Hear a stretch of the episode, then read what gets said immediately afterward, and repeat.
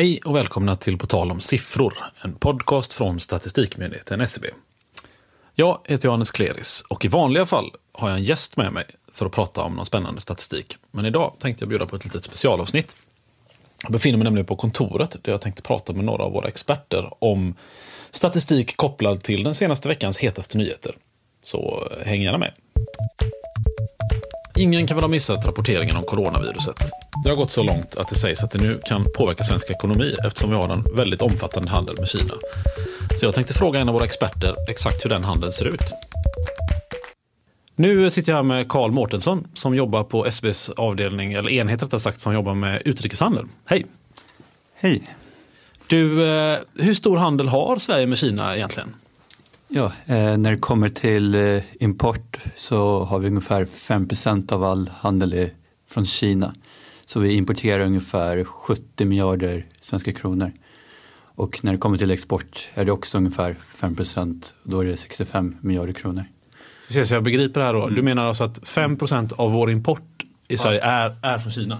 Ja, exakt. Så 5% av allt vi importerar i, ja, från hela världen till Sverige är från Kina. Och samma sak då, 5% av det vi exporterar går till Kina? Ja, exakt. Ja, det låter ändå rätt mycket, eller hur, hur har utvecklingen sett ut de senaste åren? Eh, det just senaste året har det ökat ganska mycket i Kina så till exempel import så ser vi att det ökade med 10 miljarder mellan 2018 till 2019. Ja, nu pratar vi januari och november som sagt eftersom ja, december vet vi inte ännu. Men eh, ja, 50 procents ökning i 2019 jämfört med 2018. På lite längre sikt bakåt, jag tänker att, eh, jag har ingen aning, jag har bara en bild av att handeln med Kina har ökat mycket, relativt mycket, liksom, säg vad vet jag, senaste decenniet. Hur, hur ser det ut ungefär? Ja, det är väl rätt så normalt senaste åren, kan inte säga exakt, men just senaste året märker man en väldigt tydlig ökning. Så just nu det verkar hända väldigt mycket i Kina senaste mm. året. Hur mycket är det i förhållande till andra länder? Ja, det finns väl en topplista till exempel? Ja exakt, så när vi kommer till import ligger Kina på femte plats. Då har vi Tyskland som är allra störst. Men eh, sen på exporten så är Kina ja, på åttonde plats. Men tar vi till exempel import så eh, utanför Europa är Kina det landet, landet vi importerar mest ifrån. Så vi importerar dubbelt så mycket från Kina som eh, jämfört med USA till exempel. Du, eh, vilka, vilka andra länder är det vi, vi importerar mer från än, än från Kina?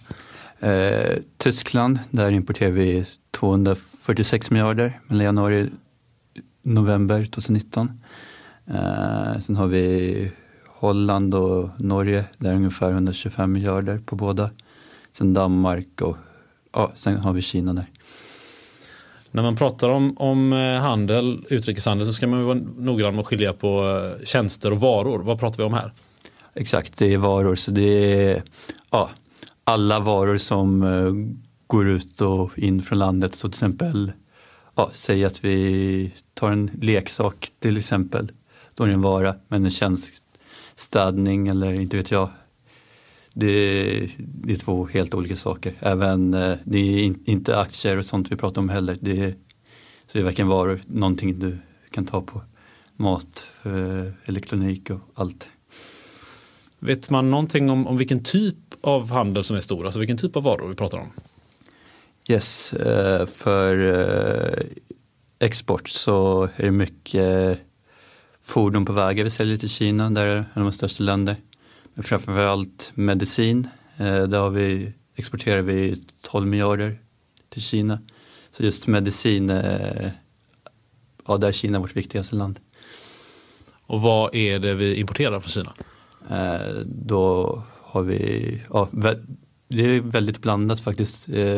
Allt från fordon till mat till exempel. Vi importerar en del fisk från Kina även om ja, Norge är såklart överlägset där men när det gäller fisk och skaldjur är Kina tredje största landet. Men eh, ja, elektronik allmänt, eh, de är väldigt högt upp på flera listor när det kommer till allt från mobiltelefoner till eh, kylskåp och ja, så de är väldigt brett, brett i, inom elektronik. Men det vi importerar allra mest ifrån är kläder skulle jag nästan säga, alltså det viktigaste landet, för där är Kina väldigt stor majoritet. Så där är Kina etta på listan med 9 miljarder kronor och Bangladesh tvåa med 4 miljarder. Så när det kommer till kläder är Kina ja, vårt allra största land. Då återstår det väl egentligen bara att se om, om coronavirusets spridning kommer att påverka den här handeln. Karl Mårtensson, tack så mycket. Tack själv. Och nu över till något helt annat. SCB släppte nyligen en form av statistik som varje år får väldigt mycket uppmärksamhet. Namnstatistiken. I den kan man se vilka namn som varit populärast att ge nyfödda det året. Jag har lite frågor om den, så jag tänkte ringa upp vår expert Margareta Karlsson som sitter på SCBs kontor i Örebro. Hej Margareta! Hej! Du jobbar med namnstatistik på SCB. Hur länge har du gjort det? Eh, det stämmer. Jag har kanske gjort det i sex år tror jag. Eh, det borde jag ha kollat, men ungefär sex år. Mm. Du, vi släppte ju nyligen statistik över de vanligaste namnen 2019, alltså namn som nyfödda har fått. Vilka, vilka var de vanligaste namnen förra året? Ja, om man tittar på nyfödda namngivna då, 2019 så för flickorna var det vanligaste namnet Alice följt av Olivia och Astrid.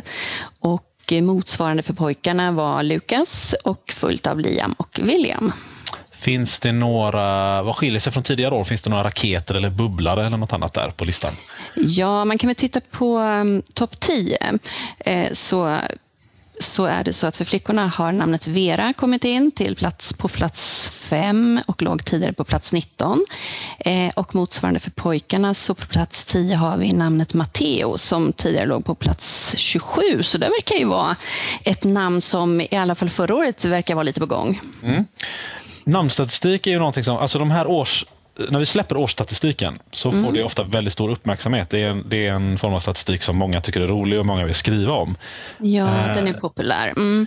Samtidigt så är det ju så att det sker ju sällan några stora förändringar från år till år. Det är en långsam statistik eh, om man tänker i det avseendet. Ja, för ofta om eh, en journalist hör av sig så är det ofta vad är nytt och sådär. Mm. Eh, och många gånger är det ju kanske lite samma namn faktiskt som är på topp, de vanligaste namnen. Då. Så ja, att, nej, men det, är ju, det är ju generationer kanske som namn förändras liksom via. Så att, nej, det händer inte så mycket varje år kanske.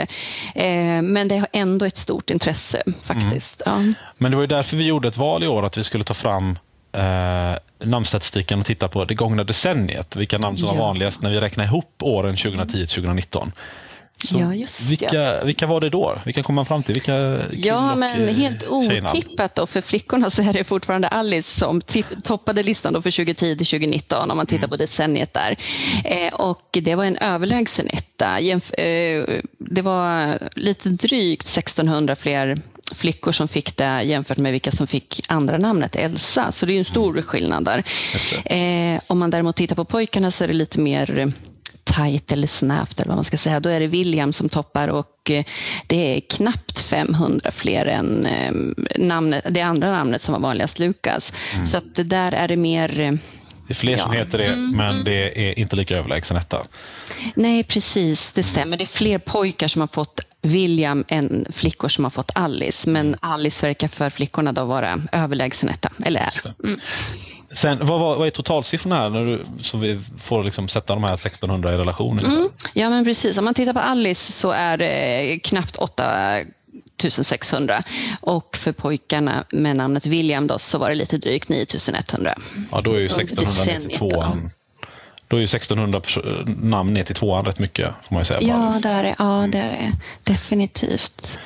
Du, det är ju som sagt rätt långsamma trender inom namnstatistiken men det går ju att urskilja saker över tid. Finns det något särskilt du vill nämna där under de åren som, som vi har haft namnstatistiken? Ja precis, vi har haft namnstatistiken i lite drygt 20 år så det är ju inte ett jättelångt perspektiv men vi kan ändå se eh, att toppnamnen för 20 år sedan var det fler barn som fick, fick flickor respektive pojkar än vad det är idag. Mm. För flickorna är det nästan en halvering tror jag med vem som får, vilka, hur många barn som får toppnamnet och för pojkarna är det en minskning med cirka 40 procent tror jag. Så det är stor skillnad. Det kan vara det kan ju vara ett tecken på att man vill vara mer unik idag. Så det innebär att de, det är färre som har de vanligaste namnen, färre individer? Ja, det föds ju fler barn men det är färre som får de toppnamnen så att säga. Mm. Ha, vad jobbar du med nu för statistik då? Vad blir nästa Ja, men vad gör jag nu? Eh, nu har jag idag börjat eh, med produktionen av namn för hela befolkningen. Eh, I slutet av februari här så publicerar vi namn som finns i den folkbokförda befolkningen 31 december 2019 i det här fallet. Då. Och då eh, är det även då är det både förnamn, tilltalsnamn och efternamn. Brukar, den, det... vara, brukar den vara lika populär bland medier? Nej, det är det inte. Jag kan säga att den här namnen som är vanligast bland de nyfödda är den absolut vanligaste namnstatistiken. Det är väldigt mycket frågor på den och mycket frågor om lokalt, vilka var de vanligaste namnen i vår kommun och sådär. Mm. Eh, för hela befolkningen inte lika vanligt, eh, eller inte lika populärt, men eh, men ändå något vi släpper och något som vi får frågor på också. Men de nyfödda är liksom det som är den stora publiceringen när det gäller namnstatistik. Mm, jag tänker i alla fall kolla den nya statistiken. Ja, men gör det. Det är den 28 februari. Mm. Jättebra. Tack så mycket Margareta. Ja, men tack själv. En annan snackis i veckan som gick var debatten om arbetskraftsinvandring. Moderaterna lanserade ett förslag om ändrade regler för arbetskraftsinvandring och andra partier hakade på den debatten. Som av en händelse så hade en av våra experter precis skrivit klart en artikel om just arbetskraftsinvandring. Andreas Ranecke. Hej Andreas! Hejsan hejsan! Berätta lite kort, vad jobbar du med till vardags? Ehm, jag jobbar mycket med eh, statistik kring migration, analyser kring migration och även eh, Eh, framskrivning av in och utvandring. Och så hade du precis skrivit klart den här artikeln när Moderaterna lanserade sitt förslag. Så vi gav ju ut den, det var ju bra timing. Verkligen. Vad, det, vad kan man säga om utvecklingen i Sverige de senaste tio åren vad gäller arbetskraftsinvandringen? Vi hade en arbetskraftsreform 2008 där arbetsmarknaden öppnades upp för medborgare utanför eh, Norden och EU, vilket har gjort att, att antalet människor som har sökt sig till Sverige under de senaste tio tioårsperioden har ökat eh, markant. Hur mycket då ungefär? Från eh, ungefär 2000 2010 till ungefär 20 000 under förra året. Du har tittat närmare på en grupp som kom hit åren 2011 till 2016 och som bodde kvar i slutet av 2017. Så vitt jag förstår är det för att det är då vi har den senaste klara statistiken. Det stämmer bra det. Och hur många människor har det sig om ungefär? Eh, det är ungefär 17 600 personer. Och vad jobbar de främst med? För det kan vi också se va? Ja precis, vi har information om, om vad, vilka yrken de har. Och, och det vi kunde se det var att, att många av de här personerna kommit till Sverige för att arbeta inom just eh, IT till exempel. Och vilka är de vanligaste länderna som de här eh, arbetskraftsmigranterna är medborgare i? För det är det vi ser, va? vi kan inte se vilket land de kommer från närmast utan var de är medborgare. Eh, I huvudsak kan vi se vilket medborgarskapsland de har. Och de allra flesta eh, var medborgare i Kina eller Indien. Eh, skiljer sig liksom yrkena som människor som kommer hit har beroende på vilket ursprungsland de, de har från början eller vilket medborgarskap de har? Ja, det kunde vi se att, att det gör. Eh, vi såg att personer från Kina till exempel kommer ofta att jobba som kock eller som civilingenjör medan personer från Indien till största del jobbar just inom IT-branschen. Kan man säga någonting generellt om hur arbetskraftsmigranter tjänar jämfört med, med folk som bor här permanent? Eh, arbetskraftsmigranterna som vi har tittat på, de har en, en något lägre eh, medianinkomst än en jämförbar grupp eh, av de personer som är födda i Sverige och mm. arbetar. Kan man säga någonting om försörjning? Alltså, jobbar alla de här eller kommer de hit och jobbar inte? Vad gör de om de inte jobbar? Reser de vidare? Eller hur? Kan man säga någonting sånt? Absolut. Um, skulle jag säga att den här gruppen är väldigt rörlig. Många kommer hit, arbetar ett par år för att sedan uh, lämna landet också. Efter fyra, fem år så har mer än, än 50-60 procent uh, lämnat landet. Um, och de som kommer hit, de kommer ju till, till ett arbete så att säga. Så de flesta arbetar ju. Det har ju pratats en del om, om eh, försörjningsstöd i samband med den här debatten som uppstod nyligen. Hur, hur kan man se någonting i den här gruppen vad gäller det? Absolut, vi har ju den här informationen i, i våra register och det vi kunde se är att knappt ett tjugotal av de här eh, dryga 18 000 personerna bodde i ett hushåll som, som hade fått försörjningsstöd. Så det är väldigt, väldigt få med andra ord. Och då är det hushållen vi pratar om så vi kan inte säga exakt ens om det är de här personerna det rör sig om. Nej, precis, utan det är hushållet som, som vi mäter det här i. Men det innebär ju också att eh, eventuella familjer som är med inte heller får eh, försörjningsstöd. För man kan utgå från att de ändå tillhör samma hushåll? Ja, precis. Du, eh, Hur ser det ut i övrigt med anhöriga till de som kommer hit? Kommer de ensamma eller med familj eller hur? Kan man säga någonting om det? Eh, den grupp som vi har tittat på så är det ungefär hälften som bor tillsammans med en partner. Då. Eh, så hälften bor även då själva eller kommit hit själva så att säga. Ser man någonting om eventuella barn eller kommer folk utan barn? Eller? Um, en hel del har, har med sig barn också faktiskt, så att det är hela familjen som, som flyttar tillsammans. Du, den här artikeln du har skrivit släppte vi för några dagar sedan. Har du fått några reaktioner eller några frågor? Det har inte varit så jättemånga frågor.